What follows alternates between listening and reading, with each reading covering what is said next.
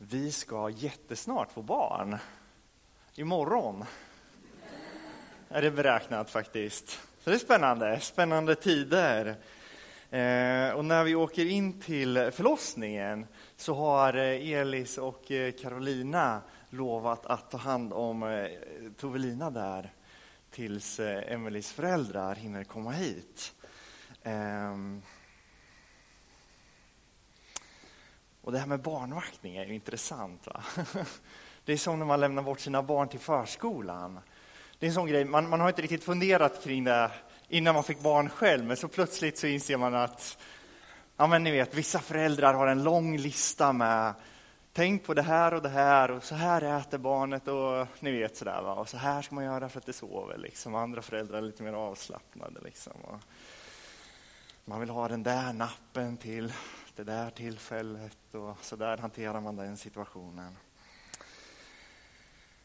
Och det är inte så konstigt, va? man vill ju göra det så bra som möjligt för den som tar hand om barnet.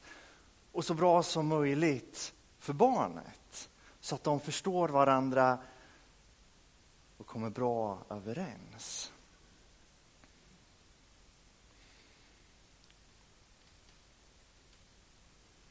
Jesus vet att hans tid är kommen.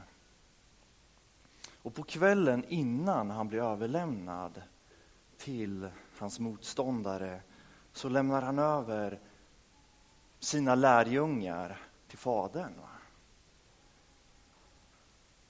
Och så ber han till Fadern. Vad säger han i den bönen? Vad säger Jesus när han överlämnar sina får till Fadern? Så här står det i Johannes 17, vers 9-19. Jag ber för dem. Jag ber inte för världen, utan för dem som du har gett mig, eftersom de är dina. Allt mitt är ditt och allt ditt är mitt och jag har förhärligats genom dem. Jag är inte längre kvar i världen, men de är kvar i världen och jag kommer till dig. Helige Fader, bevara dem i ditt namn, det som du har gett mig, så att de blir ett, liksom vi är ett. Medan jag var hos dem bevarade jag dem i ditt namn, som du har gett mig, och jag skyddade dem, och ingen av dem gick under utom undergångens man, ty skriften skulle uppfyllas. Nu kommer jag till dig, men detta säger jag medan jag är i världen, för att de ska få min glädje helt och fullt. Jag har gett dem ditt ord, och världen har hatat dem därför att de inte tillhör världen, liksom inte heller jag tillhör världen. Jag ber inte att du ska ta dem ut ur världen, utan att du ska bevara dem för det onda. De tillhör inte världen, liksom inte heller jag tillhör världen. Helga dem genom sanningen, ditt ord är sanning. Liksom du har sänt mig till världen har jag sänt dem till världen. Och för deras skull helgar jag mig till ett offer, för att också de ska helgas genom sanningen. Jesus har fullgjort sitt lopp. Han har kommit för att samla Israels förlorade får och återföra dem till att inte längre leva i världen utan bli befriade och in i rätt relation till Gud och till sig själva. Men ett är kvar. Jesus måste låta sig besegras för att besegra döden, synden, världen. Därför överlämnar han lärjungarna till Fadern. Vad är det då Jesus säger till Fadern? Vad vill han skicka med till Fadern när han lämnar bort sina lärjungar? Först så ber han en bön om att bevara dem från världen. Att lämna lärjungarna vet Jesus, är att utsätta dem för fara. Världen hatar lärjungarna precis som den har hatat honom, säger Jesus.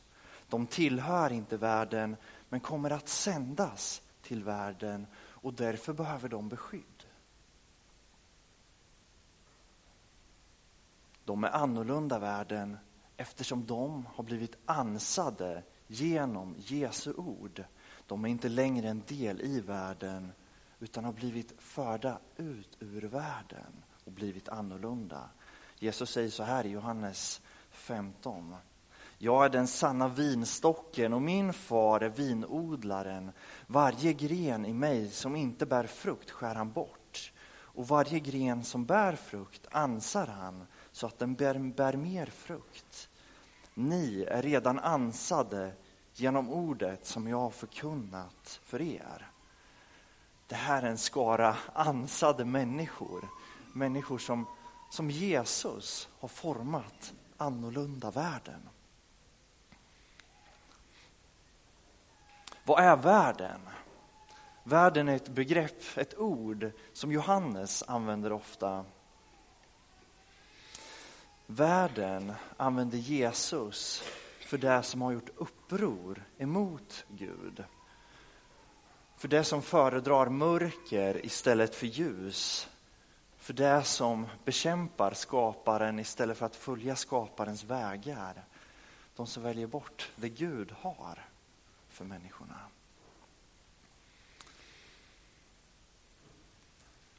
Och det lärjungarna ska göra när Jesus ber till Fadern ber han att de inte ska bli indragna i världen igen med all dess ondska upproriskhet.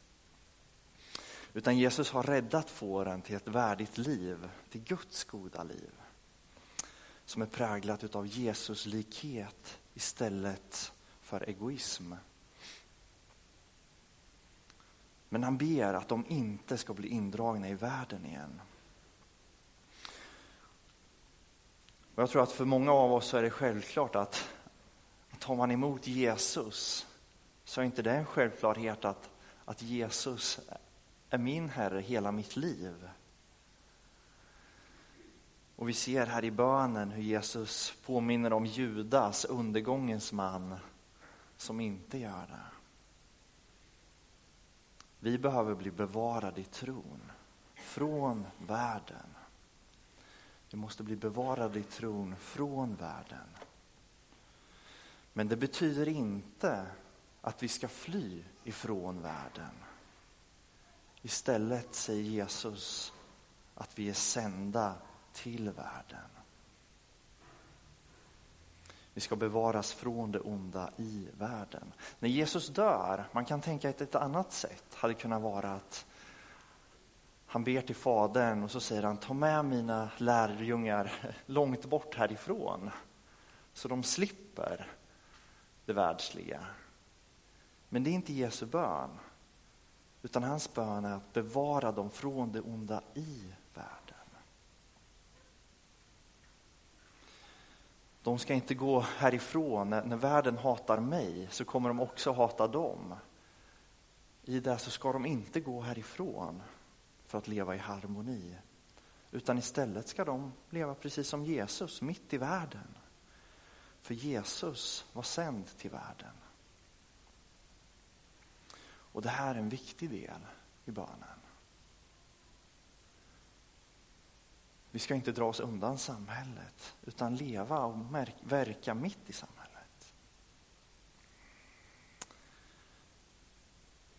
Och så ber Jesus bevara dem eniga. Gör dem till ett.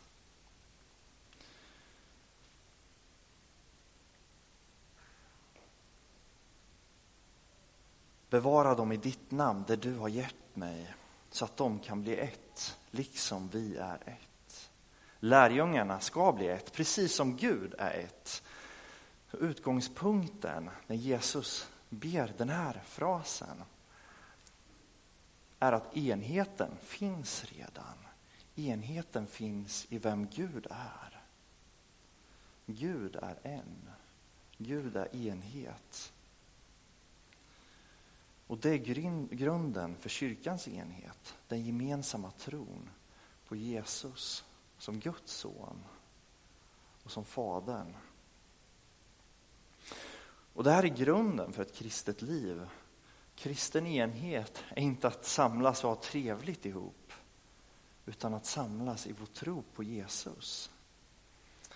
Under 300-talet så blev kyrkan en del i statsapparaten. I det att kejsar Konstantin menade sig vara kristen och så blev hela, hela världen, hela romerska imperiet blev kristet. Och sedan dess har kyrkan varit splittrad. Sedan dess har kyrkan snarare sett sin, sin tillhörighet till olika nationer. Och plötsligt blev det möjligt för kristna att döda andra kristna för att vi följer ju den här kejsaren eller den här ledaren. Och de som följde den här nationen såg, såg sin tillhörighet till den här försten och plötsligt så var enheten inte självklar. För att Jesus var inte längre den främsta tillhörigheten. Utan det fanns en annan tillhörighet som kyrkan bekände sig till. Och jag tror att idag så kan vi se också olika saker som, är, som riskerar att bli överställda våran tro. Olika organisationer, olika saker. Och där tror jag att, att kyrkan måste söka Jesus som kyrkans överhuvud. Kyrkan måste samlas i sin gemensamma tro. När Jesus ber att vi ska förbli ett så har kyrkan ändå var, valt bort den vägen och tagit till sig andra herrar. Och där har det blivit splittring. Mellan förstar, mellan föreningar, mellan kyrkorörelser. Jesus ber, bevara dem som ett. Kom åter samman inför Jesus och hitta enheten igen. För det tredje så ber Jesus att Fadern ska göra dem heliga. Kan man ju tycka att ja, men Gud har gjort mig helig va? och så kan man gå fram och presentera sig som hej, jag heter Fredrik, jag är helig. det, det, det, är inte så det funkar. Va? Sådär. Vad, vad är helighet? Eh, på Jesu tid så var helighet någonting som var kopplat till templet. Det var den heliga platsen där Gud hade lovat att bo. Det innersta rummet i templet, det allra heligaste. Dit bara överste prästen fick gå en gång per år. När överste prästen gick in dit för att be för folket så genomgick han en reningsceremoni för att bli helig. För att bli helig, för att kunna träda inför Gud.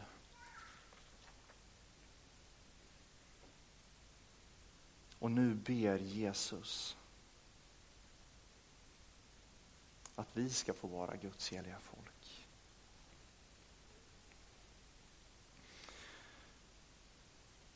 För mig är det här en text där Jesus, och, bilder haltar alltid. Det är inte så att Jesus lämnar bort eh, eh lärjungarna till en förskola. Va?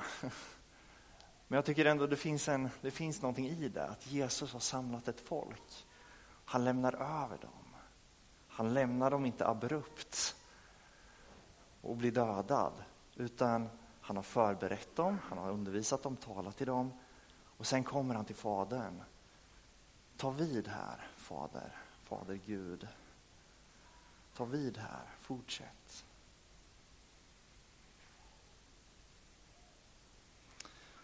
Och jag tror att man skulle kunna se det som att Jesus har gjort dem redo för dygnsrytmen i Faderns förskola. Man, man, man har lärt sig äta maten, man är redo. Det är inte en mamma som lämnar bort barnen till någon okänd. Va? Utan Jesus lämnar tillbaka lärjungarna till deras sanna fader. Jesus ber Fadern att avsluta det Fadern själv har påbörjat. Vad innebär Jesu förbön för oss? Kanske har det med världen att göra.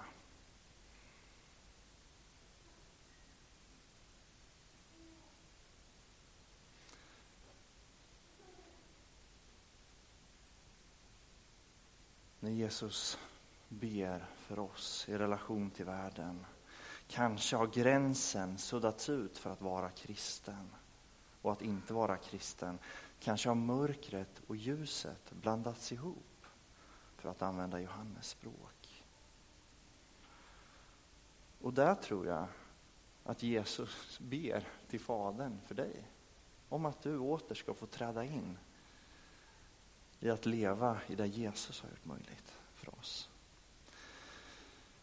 Kanske har det med enhet att göra. Kanske finns det splittring för att vi inte möter andra i ljuset av Jesu verk. Kanske finns det människor här inne som du behöver försonas med. Där man kanske har mötts utifrån andra premisser än utifrån Jesus. Man har mötts utifrån någonting annat istället för ljuset av Jesus. Kanske har det med att göra, att bli helig, att göras helig. Vilken roll har Bibeln i ditt liv? Får den prägla och forma ditt liv?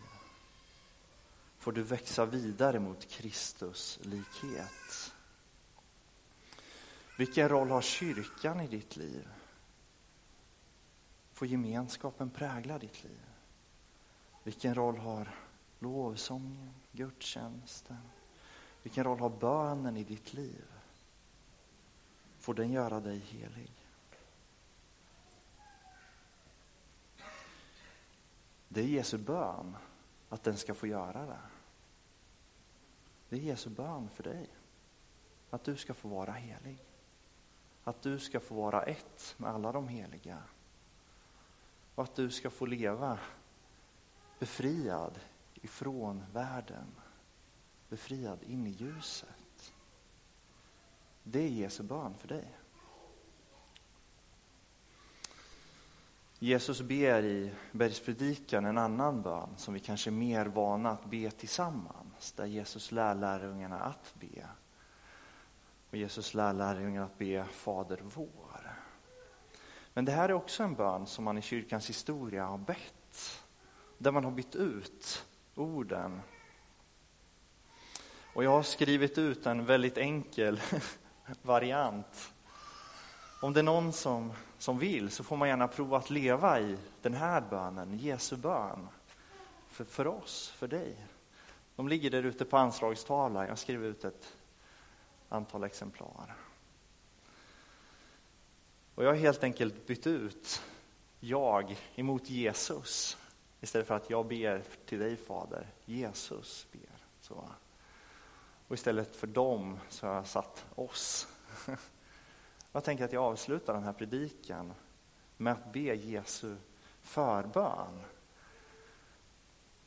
På ett sätt som man har bett den under tider i kyrkans historia. Och vi skulle kunna ha den vanliga uppe på väggen här så, så ser man hur den ser ut i, i Bibeln och sen får man en mer personlig version här. Jag tänker att vi avslutar den här predikan med den här bönen. Jesus ber för oss. Jesus ber inte för världen utan för oss som Fadern har gett till Jesus eftersom vi är hans. Allt Sonens är Faderns och allt Faderns är Sonens. Och Sonen har förhärligats genom oss.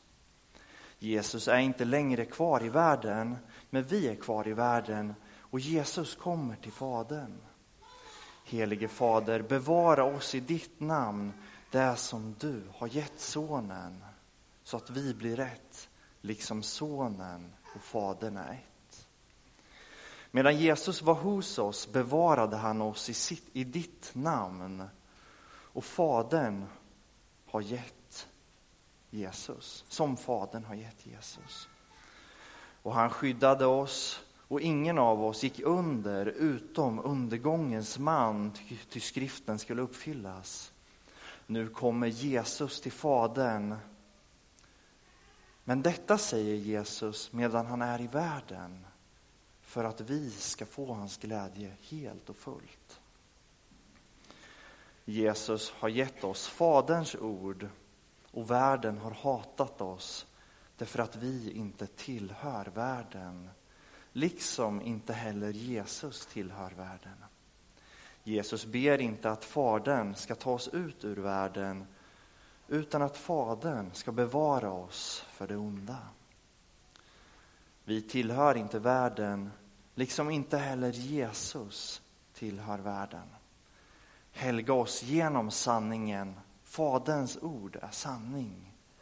Liksom Fadern har sänt Jesus till världen har Jesus sänt oss till världen. Och för vår skull helgar Jesus sig till ett offer för att också vi ska helgas genom sanningen. Amen.